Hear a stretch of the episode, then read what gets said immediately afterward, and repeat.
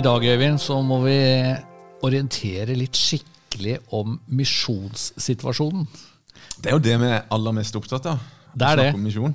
Og i starten av pandemien så kom over halvparten av utsendingene våre hjem fra feltene. Ja, sek- 60% iallfall, tror jeg. Jeg tror vi var eh, langt ned på ja, 50-tallet eller noe sånt av folk som var ute. Og lenge var det vanskelig å sende ut eh, nye utsendinger og masse restriksjoner og reiseproblemer og sånn. Det var et kjipt år. Vanskelig år. Men nå har vi sendt ut utrolig mye folk. Ja, vi, vi har sendt ut eh, 40 voksne i løpet av høsten. Eller det vil si, det er kanskje et par igjen, fordi det er et par land som eh, foreløpig ikke tar imot eh, nye folk som ønsker å bosette seg der. Men, men i løpet av høsten så Ja, vi er på 35-40 nå og skal komme opp i 40 før jul. Og nå har vi altså egentlig flere utsendinger enn vi f.eks. hadde for to år siden. Ja. Nå, etter sigende, hvis eh, de i eh, den eh, internasjonale avdelinga har telt rett, så er vi oppe i 130. Og det, Men- det syns vi er flott tall, egentlig. Det, Det er jo fantastisk mye folk. Men, Ja, det er det. men da er det jo interessant å snakke da, om er de på riktig sted. Mm. Altså, hvorfor sender vi dem til akkurat de landene, de områdene vi sender dem? Hva skal vi prioritere Ja. i misjonsarbeidet akkurat nå? det er et viktig spørsmål. Så det er dagens tema. Men vi starter med litt eh, småprat, kan vi kanskje kalle det. Litt om helt andre ting. Ja. Du har jo vært på fotballeia. Fotball. baller, ja. Du kaller det konsekvent, Konsekvent, det. Ja. England? Ja. Ja, jeg fikk altså 17 dager. place. 17 dager i Oxford og områdene rundt der. Mhm. Har du vært der? Nei. The other place. Du kaller det The Other Place, for du har vært i Jeg er en Cambridge. Cambridge-mann. ja, det høres veldig altså det, det var jo sånn at eh, et halvt år før vi reiste til Kenya, Reidun og meg, så var vi i Cambridge. Og det er jo en viss rivalisering mellom Cambridge og Oxford. Universitetene, rolagene og sånne ting. Så Ja. det er liksom for å late som jeg er skikkelig Cambridge-mann, så kaller jeg Oxford for the other place. Men det er bare tullete. Jeg er jo ikke en del av det i det hele tatt. Men nei, jeg har ikke vært i Oxford. Er det fint der? Det er fint der. Jeg har vært begge steder, da. Ja. Og jeg tror jeg kan si altså at eh, Cambridge er enda vakrere. Mm -hmm. Oxford har nok litt mer industri, og, og Cambridge er nok enda mer universitetsby. Mhm. men, men Oxford var fantastisk. Og det jeg gjorde, dette var faktisk femte gangen jeg var i Oxford. 50 Jeg har vært jubileum. på et par uh, ferieturer og et par sånne studiegreier. Men denne gangen, så for første gang Det er veldig nerdete, altså, men det får du bare tåle. Ja, jeg vet jo at du driver med litt eh, Men for første gang så fikk jeg altså bibliotekskort til det offisielle universitetsbiblioteket i Oxford. Det er da Bodleian, heter det. Og når du får, Det kosta seks pund, 70 kroner. Så det syns jeg var en investering jeg kunne leve med. da fikk jeg sitte en uke på bibliotek, og da kunne jeg velge mellom 28 uh, ulike biblioteker rundt i byen. Så det er jo litt å velge mellom. Men jeg satt altså på Old Bodleian. Og jeg sjekka det før jeg kom inn hit, bare så jeg hadde det present. Og det ble bygd i 1601, Oi, oi, oi. eh, der jeg satt. Og satt da i den filosofi-teologiavdelingen, hvor det var mye latinske bøker og mye jeg for så vidt overså. Ja. Men det er, det er så ærverdig og så vakkert. Og nei, det var eh, Og det var veldig mye av det jeg var på jakt etter. Du fikk ikke- jobba litt der? Jeg fikk eh, jobbet og skrevet. Så vi får komme tilbake til det. Ja, det blir interessant å høre mer om det etter hvert. Men, eh, men Oxford var fint, og, men også bra å være tilbake. Mm. Ja. Men du har, eh, du har akkurat vært eh, ute og talt og snakka veldig mye om misjon, så du er gira på, Gira på, på tema. Ja, ja, det er jo det, vet du. Det, det, var, det er du selvfølgelig alltid. Det er jo nesten alltid det. Ja. Det er jo tross alt det vi driver på med. Nei, i helga var jeg en tur til Sunnmøre. Valderøy. Det har jeg ikke vært før, faktisk, på det bedehuset og talt. Så det, ja ja, det er ikke sånn Det er fortsatt et par bedehus i Norge der jeg ikke har vært. Men, eh, men hvis vi la sammen de plassene vi har vært, så, så begynner det jo å bli et anselig antall bedehus vi har vært innom. og Ja, det er helt sant. og- det er litt interessant når jeg møter folk eh, sånn det, Noe av det vanlige man spør om, det er liksom Ja, hvor kommer du fra, da? Ja. Og hvis folk da sier et eller annet sted hvor jeg har vært på bedehus og talt, så får vi på en måte alltid en litt sånn interessant samtale, og særlig interessant er det jo hvis folk jeg snakker med, da aldri har vært på det bedehuset, mm. på deres hjemplass. Ja, Men jeg ja. har på en måte vært der og, og kjenner eh, forholdene. Vi blir jo litt sære sånn sett òg, da. Men Valdrei var en fin plass. Der, der har det jo vært sånn uh, bibelkurs i mange år, og det var jo uh, litt sånn uh, bjerkreimianere og forskjellig som holdt til der. Det, det var jo en litt sånn reformert del av norsk bedehuslandskap i sin tid. Det er nok ikke fullt så sterkt nå. Dette er det jo helt sikkert noen av lytterne og seerne som ikke helt uh, catcher. Hva betyr det? Men jeg var jo akkurat på sånt bedehus på Karmøy. Ja. Så nå har vi brukt høsten på å henge med bjerkreimianere. ja. Folk får google det, eller vi kan snakke om det i en annen episode. Vi kan jo ta en gjennomgang av det. Ja. Men det er i hvert fall, eh, kort sagt, så er det påvirkning fra England, Mm. faktisk. Balløya, som du ville sagt det. Eh, Og en eh, reformert, da ikke luthersk, men protestantisk tanke, hvor særlig dette med Israel, tusenårsriket Tidshusholdningen. Ja, Ja. den slags. Det, det er interessante ting, det. Men for en annen gang. En Jeg snakker jo mye misjon når jeg er ute, og opplever at det er noe som eh, som begeistrer folk. da. Det er, jo, det, er jo, det er jo mange som kommer på bedehuset når jeg er der for å forkynne, fordi de forventer å høre noe om misjon og blir glad når de hører at det er 40 nye misjonærer og det skjer ting rundt omkring. Og så var jeg nede i Volda Ja, og besøkte Ivar Aasen disipler. Ja, nei, jeg var ikke innom der. Nei, det, det var det. var kun bedehuset. Men Ørsta Volda misjonsforsamling, Ja. der er det fullt liv. ja. Masse barnefamilie, og, eh, og veldig fint å få besøke de to plassene der. altså. Ja. Men du, vi pleier å svinge litt innom fotball. Og Ja. nå må jeg teste eh, deg som ekspert, da. ja. For jeg ser jo det at nå er det debatt i Norge om Solskjær rett og slett er riktig mann for United. Er en god nok? Han, eh, han har jo vært manager en stund nå, Ja. og, og det går jo ikke dårlig. Men går det bra nok, eller bør man rett og slett finne en bedre manager? Han bruker, får bruke mye penger og mange millioner og kjøper eh, dyre spillere. Og, Cristiano Ronaldo og alt mulig. Ja. Nei, det er jo, det er jo jeg, jeg vil jo Jeg tenker jo at vi må, må gi Solskjær sjansen Flere litt. sjanser. Ja. Eller, Han jo på andreplass. Altså, Manchester United kom på andreplass i Premier League i, i fjor. Tapte Europaliga-finalen på straffekonk 11-10. ja. Så, så det er jo små marginer her. Men, eh, men og foreløpig så er det jo to poeng opp til serieleder i årets sesong, så, så det er jo ikke sånn helt krise. Men, men det er jo kanskje noen tegn som, som tyder på, mener de som kan enda mer enn meg, Ja, i, i den grad de de, finnes. finnes, ja. Ja. Så mener jeg jo at kanskje det bærer preg av at, at Solskjær ikke klarer å utvikle spillestil og sånn, at han klarer å ta det helt til topps. At Ja. han burde få mer ut av det mannskapet som er til disp nå. Men eh, nei, jeg tenker vi må snakkes igjen litt sånn fram mot jul og se. eh, Og det kommer vi jo selvfølgelig til å gjøre. Klart det. Ja. Det er klart det. Men altså, det har akkurat kommet på NRK en, eh, en eh, dokumentarserie om da Sett Premier League. Ja. da Premier League starta, Ja. 90-tallet. Den er utrolig artig. Interessant. Men altså, da, da er det jo Alex Ferguson og Erik Cantona, og Ja. da var United egentlig nesten alene helt på toppen sesong etter sesong. Ja, det var jo en stund det var bra dominans. Manchester United vant jo den første Premier League-sesongen i 92-93.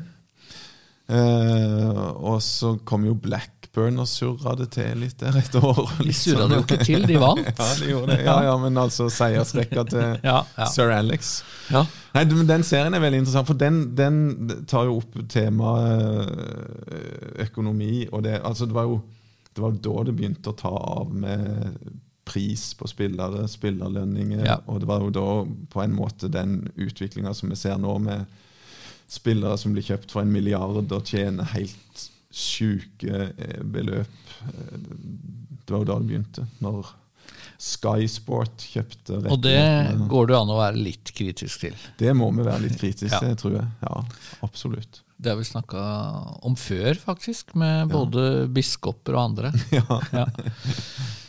Du, noe helt annet. Jeg har eh, blitt litt sånn provosert over eh, noe som har stått i vårt land de siste dagene. Og så er, jo jeg, så er det litt skummelt å ta det opp, da. Så derfor blir det jo ikke noe vi gjør til en hovedsak. Men altså Kristine Bangren Gripsgård skrev en uh, artikkel i Vårt Land ja. hvor hun var veldig negativ til uh, sexforkynnelsen, samlivsforkynnelsen, uh, i frikirkelige sammenhenger. Og særlig mente hun at det å sammenligne jenter med en epleskrott, det syns hun var en veldig dårlig idé. Det tror jeg kanskje vi kan være enig i. Ja, jeg leste jo den saken jeg og, og reagerte jo eh, ganske kraftig på det. altså. Det, det Jeg har aldri hørt den type forkynnelse i min ungdom, heldigvis. Jeg vet ikke, Hørte Nei, du noen gang en sånn Nei, eh, jeg er ikke Det kan jo en. Vi er jo- Problemet med å snakke om dette i det hele tatt er jo at vi er gamle. eh, Når Ja. dette er tema. Sex og samliv for ungdommer. Ja. Vi er 50 og har vært gift i snart 30 år, begge to. Mm. Så ja, jeg har faktisk vært gift over 30 år. Oi sann. Så, så vi skal sikkert være litt forsiktige. Men, men poenget, bare sånn at uh, lytterne og seerne får det med seg Sammenlignet med epleskrotten, det handla altså om at det å ha eh, sex, det betyr å spise en bit av et eple. Og hvis du har mye sex, da, med kanskje mange forskjellige Før ekteskap, ja. før ekteskapet, så er alt du har å tilby din ektefelle, det er en epleskrott. Ja, jeg, jeg, jeg reagerte veldig sterkt på en sånn billedbruk og, og, og omtale det her sånn. Jeg, med, både du og meg mener jo at det seksuelle samlivet hører til i ekteskapet mellom en kvinne og en mann. Men det må være mulig å forkynne det på en mer omsorgsfull og skikkelig måte enn eh, å, å snakke om epleskrott. Altså.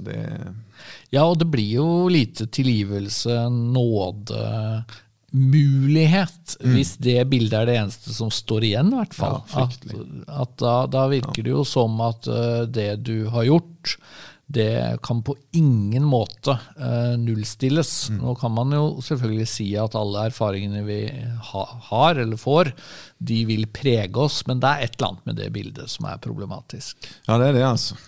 Men, men jeg ble også provosert uh, av altså, Du blir stadig provosert. ja, jeg ble Ja. litt provosert av noe hun skrev aller først. Ja. For, for selv om jeg er enig med henne i at uh, det å sammenligne jenter med epleskrott er en veldig lite klokt, så skrev hun kvinners seksualitet har alltid vært gjenstand for, gjenstand for kontroll i religionens navn, også innenfor kristendommen. Altså Hun gjorde et poeng av at dette særlig rammer jenter og kvinner. Og da tenkte jeg at det er ikke min erfaring. Eh, Jeg mener jo at eh, kristen forkynnelse behandler jenter og gutter, kvinner og menn helt likt. Altså at sex hører til i ekteskapet mellom mann og kvinne, og både kvinner og menn bør vente med sex til ekteskapet. Jeg, skjønner, altså jeg, jeg vet at det er blitt veldig vanlig å si at religiøse ledere, sånn som oss, da, vi er veldig opptatt av kvinners seksualitet. Og derfor ble jeg provosert. Ja. jeg mener Ja, altså det at det ikke er korrekt. Jeg tenker på Jeg tenker på to ting. Jeg tenker på Johannes 8. Eh, Da var det jo ei kvinne som ble tatt til eh, Jesus, ikke sant? Ja. som var grepet i ekteskapsbrudd. Og Ja. Da er det jo vanlig for de fleste forkynnere i dag å nevne at hvor ble det av mannen her? Og sånn. Ja. Og det var sikkert Jesus opptatt av òg.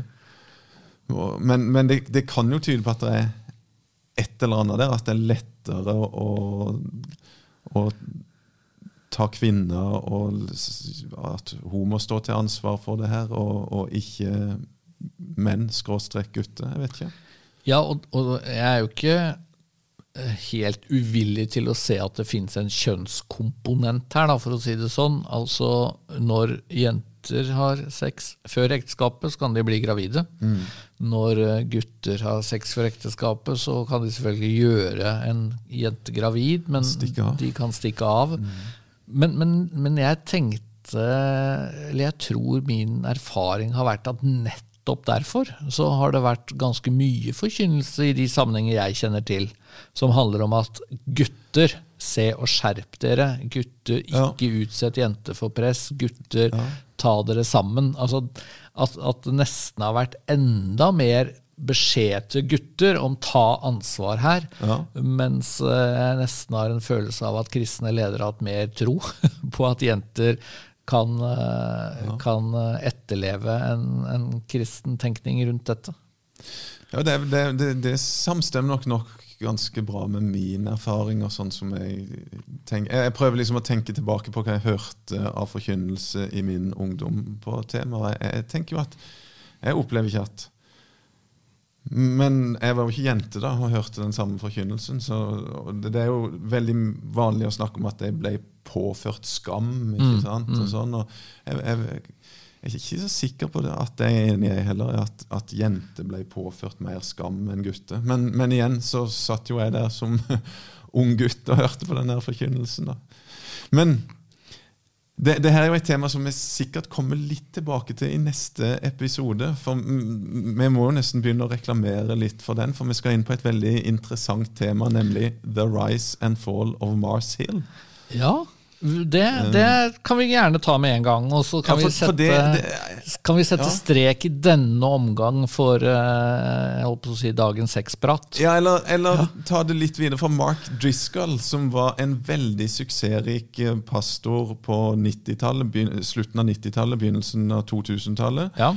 Bygde opp en megachurch I Seattle. Seattle, I USA. liberale, den mest, en av de mest liberale Ja. byene i USA. Der bygde han opp en konservativ evangelikal menighet. Som vokste sånn, og kollapsa sånn i 2014. Ja. Eller altså, den vokste i årene før og kollapsa i 2014. Og det har kommet en fantastisk interessant eh, fortelling, kan vi kalle det. Mm. Podkast på engelsk av Christianity Today, som prøver å analysere hvorfor gikk det så bra lenge, og Mm. hvorfor gikk det ordentlig dårlig. Og han, han Mark Driscoll det, det er jo, Nå har jo du og meg hørt gjennom de fleste episodene av den eh, serien der, og, og han hadde jo et veldig spesielt budskap til både menn og kvinner når det gjaldt eh, sex og samliv. Det, det Jeg tror vi vil si, for å foregripe litt neste episode, Ja. at det var ikke helt sunt. Det var svært usunt. Ja. Ja. Så Så det får- kommer vi tilbake til. Ja. Men kan jeg ta en ørliten avstikker til Romerriket helt til slutt? For det kom jeg på at jeg hadde lyst til. Romerriket. Altså, jeg har lest en bok av uh, Tom Hallen Ja. Som heter Dominion. Og han var akkurat i Norge og fikk noen oppslag. For han har skrevet om hvor Han er en ateist, eh, ingen kristen, historiker, men er veldig opptatt av hvor mye har egentlig kristendommen betydd i Norge, i verden.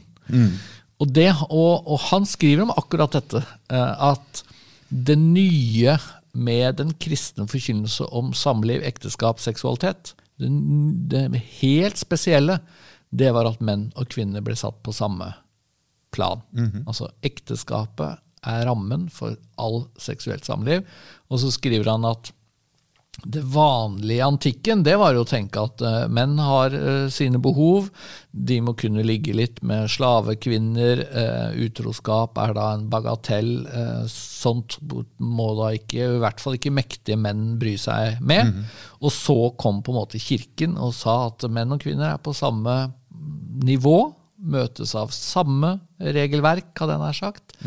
Um, så jeg har altså en ateistisk eh, historiker i ryggen når jeg er litt provosert over denne påstanden om at religiøse ledere er så veldig opptatt av kvinners seksualitet og bare det. ja. Det passa, det. Ta Ja, det lille veldig godt. Ja. Det han Hallen han er jo, det er veldig interessant. Jeg har ikke lest boka, men jeg bør kanskje gjøre det. Den er veldig interessant, og jeg eh, har lest nøye til den boka jeg sjøl skriver. Så jeg rapper litt av Tom Hallen til den. Men du, det er misjon det skal handle særlig Ja. om nå. Så vi er setter i gang. Hvor trengs misjon aller mest? Hvor skal vi prioritere å sende misjonærer i 2021 og 2022 og fremover? Det, det er altså tema. Og da vil jo du si, kanskje, eller vi vil si, vi må prioritere de minst nådde. Mm. Er det egentlig svaret? Ja, jeg vil jo si at det er svaret, og, og at vi må prioritere det minst nådde. Det er jo sånn statistikk, den begynner å bli litt gammel nå, så jeg er ikke sikker på om man er rett lenger, men som sier at av eh, den verdensvide kirke, altså inkludert misjonsorganisasjonene og alt, sine Ja. ressurser, så er det 3% som brukes på de minst nådde folkeslagene. Altså 97% brukes på oss sjøl og allerede gjennomevangeliserte områder, og kun 3% Det er mindre enn det som altså, de, Det her er jo sånn statistikk, da. Den kan brukes til alt, og den kan du lyge mye med. Men det er jo et lite poeng at 3% det er mindre enn det som du regner med ja, blir eh, stjålet fra kollekten. Skjønner du? I den Ja, verdensvide kirka. Altså det, det, det, det, det er noen utro tjenere rundt omkring. og og, og det som de bidrar med og, og stjeler fra kassa, det er faktisk mer enn det som den totale kirka bruker på de minst nådde. Altså de som ikke har hørt, og ikke har muligheten til å høre, hvis ikke det er noen som bruker ressurser på å, å si at akkurat de må få høre evangeliet. Derfor så reiser vi, eller derfor bruker vi ressurser der. Men da må vi jo definere minst nådde. Vi har Ja. vel for så vidt så vidt vært innom det før. Men Ja. det handler da om uh, folkegrupper Mm. i verden hvor det er mindre enn 2% som regnes som kristne. Og da 2% er jo fornuftig. Det kunne vært 1,5, det kunne det. vært 2,5. Ja. Men to er liksom det som, er, som noen fant ut en gang i tida, at der er grensa for Hvis det er under 2% kristne, så er det så utrolig liten sjanse for at de svært få kristne skal kunne multiplisere seg, skal kunne bringe evangeliet videre i den folkegruppa. De trenger hjelp utenfra. Ja. Det er poenget for at det skal kunne bli vekst, og at uh, nye folk rett og slett skal få muligheten til å høre. Og folkegruppe er jo òg en ting som du som, som En kan jo diskutere litt eh, det, det er jo Ja, det er mange måter å regne det på, da. Men, eh, men eh, sånn etnolingvistisk er jo det vi ofte snakker om. ikke sant? Visse sånn etniske særpreg, og lingvistisk betyr jo det at språket er sånn at de hører naturlig sammen. Og da er det noen som kommer fram til 7600 folkegrupper. Og av de så er det fortsatt 4000 som, eh. Som vi ikke har hørt. Og for oss i Norge så er jo dette på ett vis litt sånn fremmed, fordi historisk så har jo Norge vært et veldig homogent land. Altså her har vi snakka norsk, og her har de aller fleste vært nordmenn fram til det ble mye innvandring, og så har du hatt samer, på en måte. Ja. Mens f.eks. i Kenya, hvor du har vært, så har du sett veldig tydelig at eh, det fins ulike folkegrupper, og de har eh, ofte veldig liten kontakt også, for det er Ja. så store forskjeller. Og snakker helt ulike språk, helt ulike skikker og, og ulik kultur. Så det, det, det gir jo mening, det, å Ja. snakke om folkegrupper mer enn vi, vi snakker ikke at vi sender misjonæren til Kenya, men vi snakker om at vi sender dem til Digo-folket, f.eks., der Ja. som jeg sjøl var misjonær en stund. Og, og det syns jeg er en veldig interessant samtale og veldig interessant diskusjon. Og den, den eh, den rører jo med sterke følelser hos folk, ikke sant? Og, og, og, men det er en veldig viktig og nødvendig samtale å ta for å vite hvor det er mm, strategisk best å sende misjonærer, rett og slett. Ja. For jeg husker så godt eh, noe av det sterkeste sånn misjonsstrategiske jeg har opplevd. Det var faktisk at når jeg var på tur i Kenya en gang. Så husker jeg var i et område hvor eh, det ble sagt at her bor de minst nådde, her fins det omtrent ikke eh, kristen virksomhet. Jeg lurer på om det var da blant digoer eller doromo-folk eller eh, noe sånt. Og så, akkurat når jeg fikk høre det, så kjører vi forbi en kirke.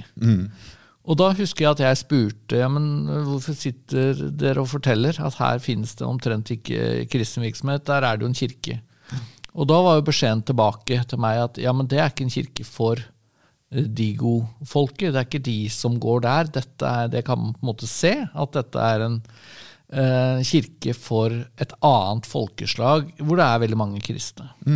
Og det er jo egentlig en veldig god måte å oppsummere hva dette handler om på. Ja, for, det for, eh, for det er jo litt ja, Der kunne man jo tatt en parallell i Norge òg. Våre kirker, våre bedehus, er jo i kanskje i altfor stor grad lagt opp sånn at eh, hvis du er eh, fra et helt annet land, snakker først og fremst et annet språk enn norsk, så skal det litt til at du oppsøker eh, vårt bedehus. Selv om du sånn. ja. Ja. Folkeslag. Det er jo Nå snakker vi om liksom antall folkeslag i dag, eh, definisjonen på folkegruppe, definisjonen på minst nådd og de tingene der. Ja. Men det er jo ikke det, det er jo ikke helt løsrevet fra Bibelens budskap heller. Nei, for du tenker, og vi tenker, at det å satse på de minst nådde, tenke at det er det som er eh, den gode misjonsstrategien, det kan gis bibelsk begrunnelse. Det fins tekster i Bibelen. Hva tenker du på? Ja, jeg, jeg tenker på at, um, at uh, eh, Abraham eh, fikk jo en beskjed fra Gud om å bryte opp. Ja. Og han fikk etter hvert beskjed om at din slekt skal bli så tallrik som stjernene på himmelen. ikke sant? Han, Der han sto og, og fikk beskjed om å prøve å telle. Og at han skal bli far til mange folkeslag. Så det, det, det med folkeslag og, og, folk fra alle folkeslag og stammer og tungemål ikke sant? Det står flere plasser i, i Bibelen som et ganske sånn sentralt eh, begrep. Og Gud er Gud for alle folkeslag. Det er jo noe av det litt unike som kommer tydelig fram i Det gamle testamentet, og enda tydeligere i Det nye testamentet, at eh, altså Du har jo dette begrepet om at Gud er Abraham, Isak og Jakobs Gud. Eh, og så kan det virke litt snevert. eh, at det er på en måte bare Gud for jødene. Men så blir det jo veldig tydelig mange tekster om at uh, hedningefolk, folkeslagene, alle skal bli møtt av Gud. Jøde først, og så til greker, snakker jo Paulus om. Men allerede Jesaja, profeten Jesaja sier jo at det er for lite for deg. Det er jo en tekst som, er, som de aller fleste tolker som eh, en tekst om Jesus, Messias. For lite for deg at du skal være en frelser for Jakobs stamme, men ordet og lyset fra evangeliet skal stråle ut til, eh, til alle folkeslag. Så det er utrolig mange spor av det her i eh, Bibelen. Og, og, Jesus sa jo at dette evangeliet om riket skal forkynnes til et vitnesbyrd for alle folkeslag, og så skal enden komme. Matteus 24, 14. Det er jo et ganske sentralt vers for oss som tenker en del på disse tinga her. Så det betyr at uh, hvis vi skal fortelle, eller slå fast hvor er det aller viktigste å drive misjon, så er det egentlig å sette seg ned og finne ut hvilke folkeslag har ikke hørt. Hvilke folkeslag har i veldig liten grad eh, kirker, eh, forsamlingshus av den er sagt, eh, og alt det der. Ja, Det er jo noen amerikanere som de siste par tiåra har snakka om 'unengaged'. Og Ja. da, er liksom, da, da prøvde jeg å finne folkegrupper som, som det, det var ingen, ingen som hadde engang tenkt på å starte noe der. Det var ikke etablert kirke der. Det var ingen misjonsorganisasjoner som hadde det på prioriteringslista si. Og de, de visste nesten ikke om noen som, som ba for Men folk. for det er jo et kjempegodt godt begrep, fordi at eh, hvis vi bare hadde sagt vi går til de folkeslagene hvor det er veldig lite kristent arbeid, så kunne det jo vært at det er noen som har starta helt i det siste. Ja. Så kunne det jo vært at vi omtrent uh, startet arbeid vegg i vegg Ja. med noen uh, flotte kristne fra Tyskland eller Sveits eller Sør-Korea eller England. Mens uh, når du får fram dette med unengaged, så er jo da poenget at her, er, her er det ingen andre mm. som i særlig grad ø, gjør en innsats. Og det er kanskje de vi i enda større grad tenker at da vet vi at vi er på rett sted. Mm. Men har, har vi gått, gått, til noen sånne folkeslag? Det, vel, det, tror jeg nesten ikke vi kan si at vi har gjort. altså I vår historie gått til noen unengaged. Men, men, vi er jo heldigvis så bruker vi jo stor del av våre ressurser på minst nådde grupper, altså under 2 kristne. Det, det, det bruker vi bruker mer enn 3% Ja, vi bruker mer enn 60% faktisk. Eh, på, på, de gruppene der eh, evangeliet er så ukjent. Men, men flere, kanskje alle plasser der vi har starta opp, som jeg kjenner til, i alle fall, gjennom historien til Misjonssambandet, mm. så, så, har vi gjort det uh, vel vitende om at det er andre grupper som vi til og med kanskje samarbeider med for å, å, å nå en folkegruppe. Så det Men dette er jo også litt sånn krevende tema, fordi at når vi da skal snakke om uh, unengaged, eller de minst nådde folkegruppene, så, så er det klart at noen folkegrupper er utrolig små. Mm, ja. Eh, jeg snakka nylig med en som eh, skulle drive med bibeloversettelse i Mexico. Mm. Og da var det jo snakk om å velge folkegrupper kanskje med 1000-1500 ja. mennesker. De var ja, Nå husker jeg ikke detaljene lenger, så jeg skal passe meg for ikke å si noe feil, men, men du fikk litt inntrykk av at her var det noen få landsbyer, og der bodde det et folkeslag med sitt språk, og de trengte Bibelen. og all ære til den satsingen, men det, det, sier seg jo selv at uh, da trenger man jo kanskje ikke mange som satser hvis det er snakk om 1500 mennesker. Nei. Mens vi har vel i stor grad uh, gått til folkeslag hvor det er snakk om millioner. Mm. Uh, og da er det jo ja, ja. plass og rom. Digofolket der jeg jobber ja. sjøl, det, det, det, er jo en 400 000-500 000, så det er jo en ganske liten gruppe. Ja. Men etter hvert så er jo mesteparten av ressursene våre i det østlige Afrika brukt mot den aller største av de minst nådde folkegruppene, som teller mange millioner. Men digofolket er jo interessant å nevne, det kjenner jo du veldig godt til. Altså, mm. var det, det var ikke mye kristen virksomhet blant digoene, bortsett fra det Misjonssambandet startet opp med? Det var ikke det, men, men, det var alltid mens vi var der, så var det noen. Nytestamentet ble oversatt eh, til digospråket mens vi var der, eh, og det var en to-tre andre enheter som drev på litt, men, men svært, svært lite. Mm. Og Misjonssambandet var vel de som hadde den lengste kontinuerlige, sammenhengende tilstedeværelsen der, da, fra slutten av 70-tallet og fram til et godt stykke ut på 2000-tallet. Nå sender vi jo ikke Nei. misjonærer dit lenger. Er det fordi de ikke lenger kan sies da å være minst nådde? Nei, det er faktisk ikke det. Fortsatt så viser statistikken at det øh, må regnes som øh, en av de minst nådde folkegruppene, under 2% kristne, dessverre. Men, men, det har økt ganske mye i det siste.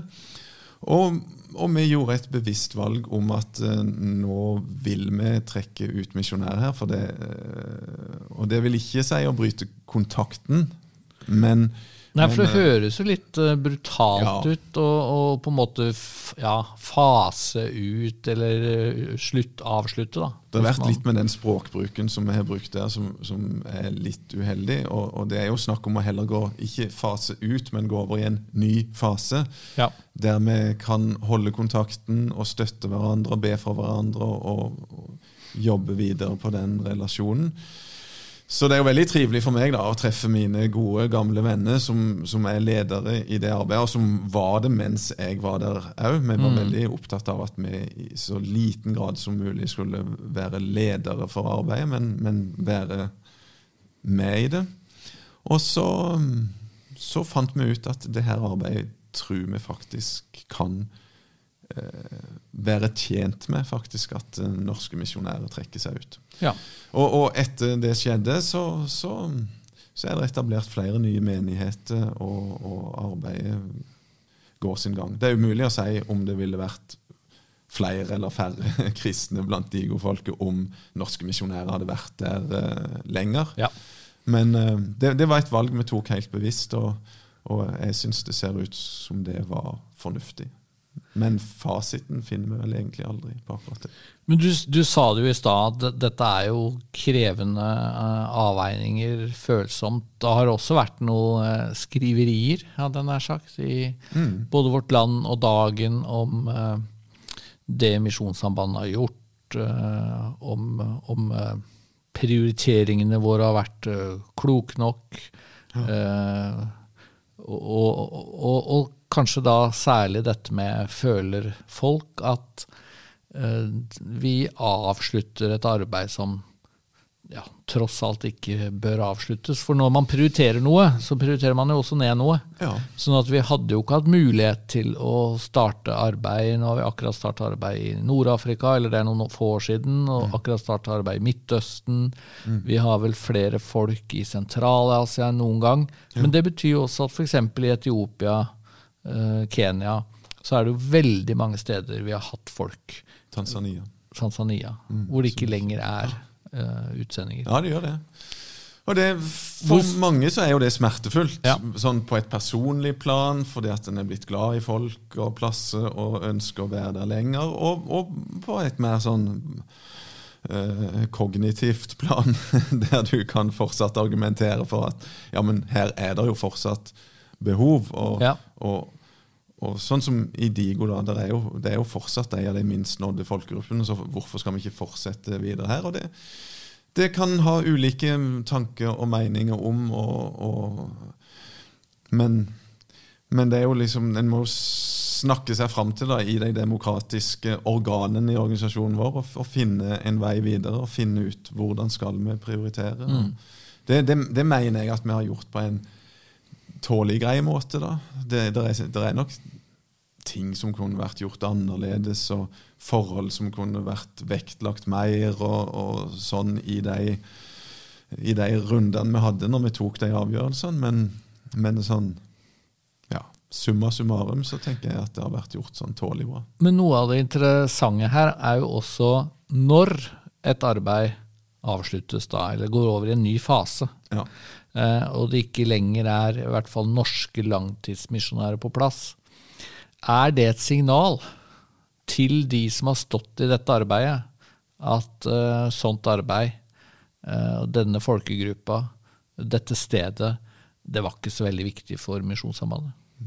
Nei, det, det, er jo er det det, er det, Kan det oppfattes sånn? Det, kan jo kanskje oppfattes sånn av noen, men, men, men, eh, det er jo absolutt ikke sånn jeg tenker om det. Jeg tenker jo tvert imot. Mm. Det at vi kan gå over i en ny fase i arbeidet, betyr jo at um, vi har gjort en god jobb. ja. og, og, at det er gode nasjonale ledere som kan jobbe videre. At Kirka er, er Eh, har ressurser nok til å drive Ja, ja det, det, er jo en drøy påstand, da, men, men, men, har brukbart med ressurser og kan drive arbeidet eh, sjøl. Og at det, vi kan gå over i en annen fase i, i, i, fellesskap og relasjon til den kirka. Men akkurat det med ressurser er, er vel også sånn at uh, der kan jo vi bidra. Mm. Altså Det går jo an, og det tror jeg av og til skjer, at vi kanskje slutter å ha langtidsmisjonærer, da, for mm. å bruke det uttrykket, på plass et sted, men at vi fortsatt gir støtte mm. til, til, den satsingen som foregår. Eh, kanskje da også ut ifra at her er det for få kristne til at de klarer å lønne alle sine medarbeidere, eller mm. den slags. Så det er jo mange måter å ja, fase ut eller gå over i en ny fase. da. Ja, det er det. Og jeg tenker Noe av det eh, ganske spennende som jeg har vært med på i den forbindelse, det er å skrive under en samarbeidsavtale med kirka på Taiwan. Ja. Eh, der vi skrev under hvordan skal denne fasen nå se ut uten norske langtidsmisjonærer. Mm. Eh, og, og, der skrev jeg under sammen med, med biskopen på, i den lutherske kirka på Taiwan. Og, og, og vi han var enig i at det her ja, Han kunne sikkert satt pris på Jeg husker ikke akkurat hvilke uttrykk han bruker, men, men, han hadde ikke hatt noe imot at det var norske langtidsmisjonærer. Men han skjønte at uh, en misjonsorganisasjon iallfall kunne tenke seg å prioritere annerledes. Mm. Og, og, og, vi skrev under en sånn avtale som beskriver noe av den nye fasen vi er inne i nå. Og Det innebærer korttidsmisjonærer til seminarer som kan komme og, og undervise. Uh, og det innebærer svært lite økonomi. For, for, økonomisk så klarer de seg sånn relativt bra. For det er jo interessant, det er jo ikke noe vi snakker om så veldig ofte, det, men sånn i løpet av de siste ti åra, så er det i hvert fall to land hvor vi i veldig liten grad uh, har misjonærer lenger. Mm. Og det er da Taiwan og Tanzania. Mm. Um, men det er vel ikke akkurat foretatt noe offisielt vedtak om at vi slutter med å ha disse landene som misjonsland. Og det er vel nettopp ut ifra denne tanken om at vi bryter jo ikke alle kontakt, mm. eller, mm. eller på en måte bare avvikler alt. Nei, Tvert imot så håper jo jeg at uh, kontakten med ILCT, den lutherske kirka i Tanzania, som kanskje er verdens nest største lutherske kirke etter Mekanjesu-kirka mm. i Etiopia Det er noen millioner medlemmer der. Ja, det er det. Ja. En seks-sju millioner iallfall i, i Tanzania. Og at vi kan samarbeide enda mer med dem i framtida om å uh, drive misjon i Midtøsten. Ja. Det er jo nemlig en stor sånn arbeidsutvandring av tanzanianere som, som, jobber forskjellige plasser i Midtøsten. Mange av dem er kristne.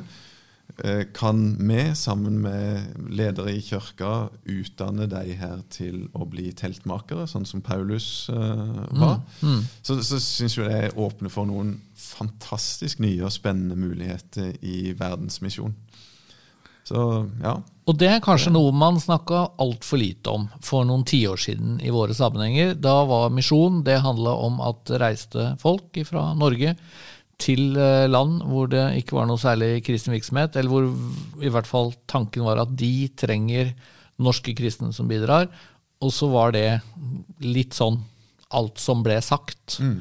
Mens misjon er jo tross alt mer dynamisk. Det blir kanskje for sterkt å si liksom from uh, Everywhere to everywhere. From everywhere to everywhere. Men, men likevel så, så, er det noe med at uh, en kirke sånn som i Tanzania med 6-7 millioner medlemmer, de uh, har jo på mange måter større ressurser enn Misjonssambandet. Ja, så til de grader. Absolutt. ja. Og derfor så, kan, så, tenker jeg at vi kan komme til deg, presentere det her som er vår visjon og vårt kall når det gjelder Midtøsten. Og så håpe og be vi om at, eh, at, de kan se noe av det samme som oss og være med. Og, og mm. at, så det, det, er jo det som er den, den nye virkeligheten mer og mer. Og, og, så sitter det noen rundt omkring i, på det afrikanske kontinentet og tenker at nå er Norge, det norske folk, i ferd med å forlate den kristne trua. Vi må sannelig sende noen misjonærer og se om vi kan få vekke dem opp. Mm. Så, så, det er jo òg en interessant ting. da, Er vi klar til å ta imot mm. utsendinger til vårt eget land? og og, og og bli sett på som minst nådd. Ja. ja. Men det er klart det er mange steder i Norge hvor, eh, hvor det kunne ført til en vitalisering. Mm. Uh, Helt uh, sikkert. Men du, det beste argumentet imot å uh, satse på i hvert fall en del minst nådde folkegrupper, er jo at det er umulig å drive misjon ja. der. Altså, ja. Det er forbudt, det er restriksjoner, det er forfølgelse, det er ikke mulig å få visum. Og det der vet jo vi ganske mye om. Mm. Men, eh, men hva, hva, får det å bety for de prioriteringene vi gjør? Det er jo ikke sånn for, for, å si det veldig åpent, at vi sender misjonærer til Nord-Korea. For det, det, går jo ikke an. Nei, det gjør ikke det. Eller vi, vi har i hvert fall ikke klart eller Nei. fått det til. Nei, det er jo, vi, nå, nå, I mange deler av verden så sender vi jo kristen fagpersonell, teltmakere, som, som uh, utøver sitt yrke på en ærlig og hederlig og skikkelig mm. måte. Uh, og så tenker vi at de bruker sitt nettverk, sine relasjoner, og de mulighetene de får når de blir kjent med folk, til å, å, å forkynne evangeliet. For det evangeliet må forkynnes med ord. Og det kan forkynnes i gjerning. Mm. Så det, det, er jo, det, er jo, sånn vi tenker om det. Og det er veldig mange plasser, selv om det er umulig å sende en, en misjonær som skal stille seg opp og forkynne og, og plante menighet og sånn, så er det jo veldig mange plasser der det er mulig å sende folk med god kompetanse innen et fagområde og, og, og sånn. Og, og, og, jeg mener ikke at vi gjør noe sånn vi gjør ikke noe feil. Det er jo ikke sånn at Vi, vi ønsker jo at de skal utøve det yrket sitt som en tjeneste for Gud. Det òg. Uh, og, men så er det jo teknologi og media. da. Vi, vi har jo Norea som gjør en kjempejobb for mm. å, å, nå inn til områder der det er vanskelig for uh, å nå inn på andre måter. Men det er jo en grunn til at de minst uh, nådde folkegruppene er nettopp det. Og, og det handler jo om ofte om religiøse ting, islam, og, som gjør at misjon er vanskelige. Om brutale regimer som ikke tåler noe religiøs aktivitet, for det kan true eh, nettopp det regimet. Og så handler det om ørken og flom og kulde, holdt jeg på å si, og, og klima som gjør det vanskelig for folk å bo der, hvis ikke de er vant med det fra fødselen av. Ja, så Det å rett og slett være norsk misjonær og slå seg ned en del steder hvor det virkelig er bruk for misjonærer, det kan være ganske tøft. Være ganske tøft. Mm. Du har vært rundt og, og, møtt en del av utsendingene våre i ganske grisgrendte strøk av verden, og mm. litt imponert innimellom av ja, eh, hva de tåler. Veldig. Det er utrolig fint å se unge mennesker som eh, forlater komfort og det de er vant med i Norge, og lever et helt annerledes uh, mm. liv, der de må gi avkall på ganske mye for at uh, mennesker skal få sjansen til å høre evangeliet. Så det, det kallet det håper vi jo kan leve like sterkt som før i organisasjonen vår. Det vil se litt annerledes ut nå enn i 1891, men at det er liksom det samme kallet som bærer, og som uh, som eh, former alt vi driver på med. Men du Digo-folket, som bare for å nevne det, da, altså der du jobba, ja. Eh, et av de minst nådde folkegruppene i Kenya, der var det jo veldig fritt å drive ja. misjonen. Det er ikke noe problem å få visum i Kenya og slå seg ned og, og jobbe der. Mye motstand blant en del digoer, fordi mm, de er muslimer og den troen stikker dypt for mange. Mm. Men kanskje noen tenker hvorfor eh, burde vi ikke jobbe tross alt da, blant de minst nådde folkegruppene som ligger der, hvor vi kan spille med helt åpne kort, hvor det å få visum er ganske enkelt og greit, og, og sånn, enn å drive med dette kristent fagpersonell, og så sitter vi her og allerede sagt Nord-Afrika og Midtøsten istedenfor å si landene hvor vi har folk. Mm. fordi at her må vi være forsiktige, dette er sensitivt arbeid. Oh. Nei, det, det, er jo mulig. Det er jo, det er jo, som sagt ingen fasit på det her. Men det, jo, det, jo, det ble jo utvikla en sånn kirkeveksttenkning med en amerikaner som heter Ralf Winther, og noen andre på Fuller i, i California i USA, mm. som nettopp sa det at vi vil være mest mulig effektive. Vi, vi, vi tenker at evangeliet må nå flest mulig. Og da satser vi på de områdene der det er god mottagelse. Ja. Og det var liksom rådende tenkning i mange år. Men så oppdaga jo folk etter hvert at ups, det her fører jo til at det er store deler av verden der folk ikke får sjansen til å høre. Så det er noe med oss hvis, hvis vi sier at vi vil bare til de områdene der det er enklest å drive, mm. så, så, så, vil faktisk ikke eh, så er det store deler av verden som fortsatt ikke vil bli nådd med evangeliet. Så noen må gjøre det, og hvorfor ikke Misjonssambandet? Og der tenker jeg nettopp at eh, vi i Misjonssambandet vi har altså, som vi allerede har snakket om, 130 eh, voksne misjonærer. Vi kan dra ganske mange steder. Mm. Vi er tross alt en ressurssterk organisasjon du har allerede nevnt at vi kanskje kan samarbeide i Midtøsten med eh, kristne tansanianere.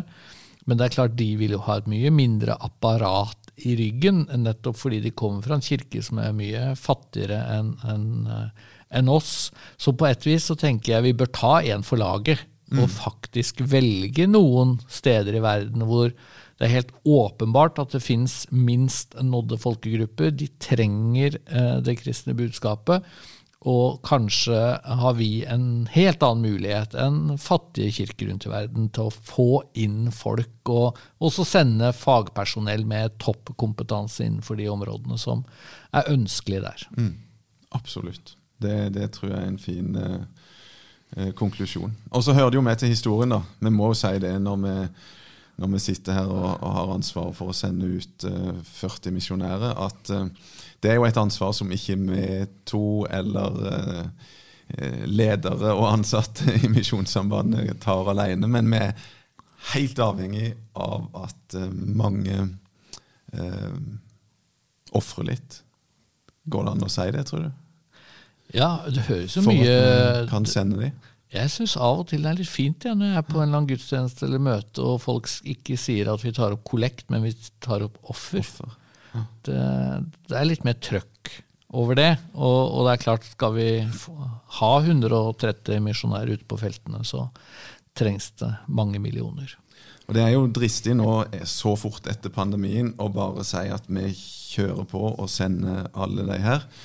Så vi er virkelig avhengig av at folk eh, støtter opp om det her og, og, å dele denne visjonen og det kallet. Du, Vi går straks mot avslutning. men Jeg hadde lyst til å bare slutte helt sånn konkret. Altså Nå har vi sendt folk til Midtøsten for aller første gang denne høsten. Ja. Det er fem voksne som akkurat nå etablerer seg og skal inn i et kjempespennende arbeid. Og som akkurat nå har fått eh, arbeids- og oppholdstillatelse Ja. og er klar til å ta siste skrittet og flytte inn. For det var det jeg tenkte. Skal vi bare avslutte med noen sånn helt konkrete glimt fra eh, feltene våre, fra utsendingene våre?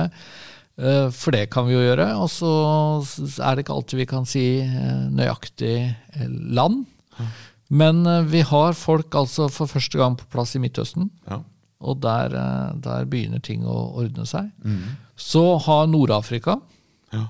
vært et krevende område. Det har vært mye, mye pandemi der. ja, veldig. Men det virker som eh, ting eh, går seg litt mer eh, til. Og, og der er vi også Jeg syns det var veldig sterkt når jeg var på besøk der for noen år siden og fikk høre at i det området vi bor, sa den utsendingen jeg snakka med, så bor det et par millioner mennesker. Og det er antagelig 50 kristne her, og jeg kjenner omtrent alle sammen. Så, så unådd var det området. Det blir veldig konkret når du Det blir veldig nevner det akkurat sånn. To millioner, 50 kristne. Da, ja. Og alle de 50 ifølge han var stort, eller de var hemmelige kristne på den måten at de var ikke eh, ute i offentligheten og fortalte at de var kristne. Men er det noen andre steder du vil eh, nevne som Jeg tenker jo Mali, da. Ja? Mali, der, der, Vi har jo hatt med oss Bergfrid Almeli fra Mali på, i denne podkasten vår før. ja. Og vi er jo veldig glad i henne. Og nå er hun alene i Mali som utsending i en arena. Um, Mali er litt sånn delt i to, der sør fram til nå i hvert fall har vært sånn relativt uh, trygt og stabilt. Og oppe i nord så er det mye uh, islamister, mye opprør, mye Det kommer IS, og det kommer mye sånne ting inn der. Det er jo, FN snakker om at det kanskje er det mest risikofylte av de fredsbevarende operasjonene som, som FN har. Men, men vi har vært i, i sør og tenkt at den der eh, å, å sende folk der er fortsatt forsvarlig. Og, men men det, blir, det kommer stadig nærmere, da. Men, men, og, og der har vi jo snakka om at nå er det åpne dører som aldri før. Og så virker det som motstanden blir sterkere. Og det er kanskje et litt bibelsk, paulinsk prinsipp, det òg. Han snakker jo om åpne dører for evangeliet og mange motstandere. Og, og det opplever vi nok nå, altså, at her er det virkelig store muligheter. Mange som er interessert, mange som sier at de tror i skjul. Ja. Noen få som har blitt døpt. Eh, folk Og- og- sender ungene sine på leir. De, det, ikke, ikke noe sånn lureri, altså, at vi Nei, nei. lurer dem Og jeg det. det var jeg. Mm. jeg har jo vært i den landsbyen hvor Bergfri bor og arbeider, og syns det var utrolig fascinerende å være i en landsby med rundt 6000 mennesker. Mm. eh, offentlig kristen, tror jeg.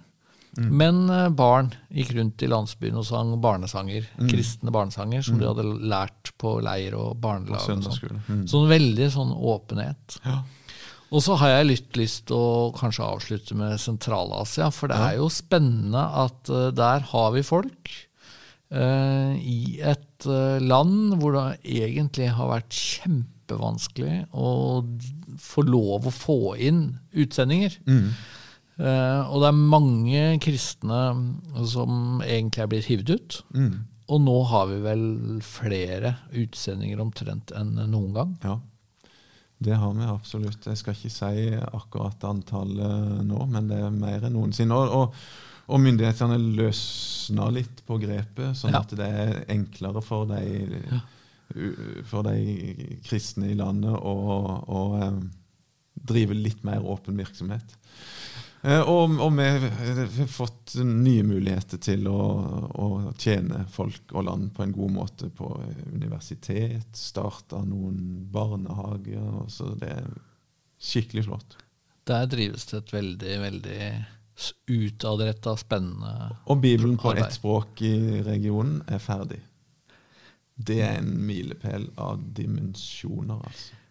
En av våre utsendinger har jobba i over 20 år Ja. Med å oversette Bibelen til et av disse språkene.